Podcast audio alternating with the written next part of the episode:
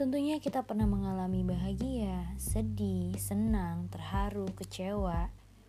Semua kita pernah alami, semua itu kita pernah jalani. Dan nama saya Prita, saya membagikan kisah saya di podcast ini.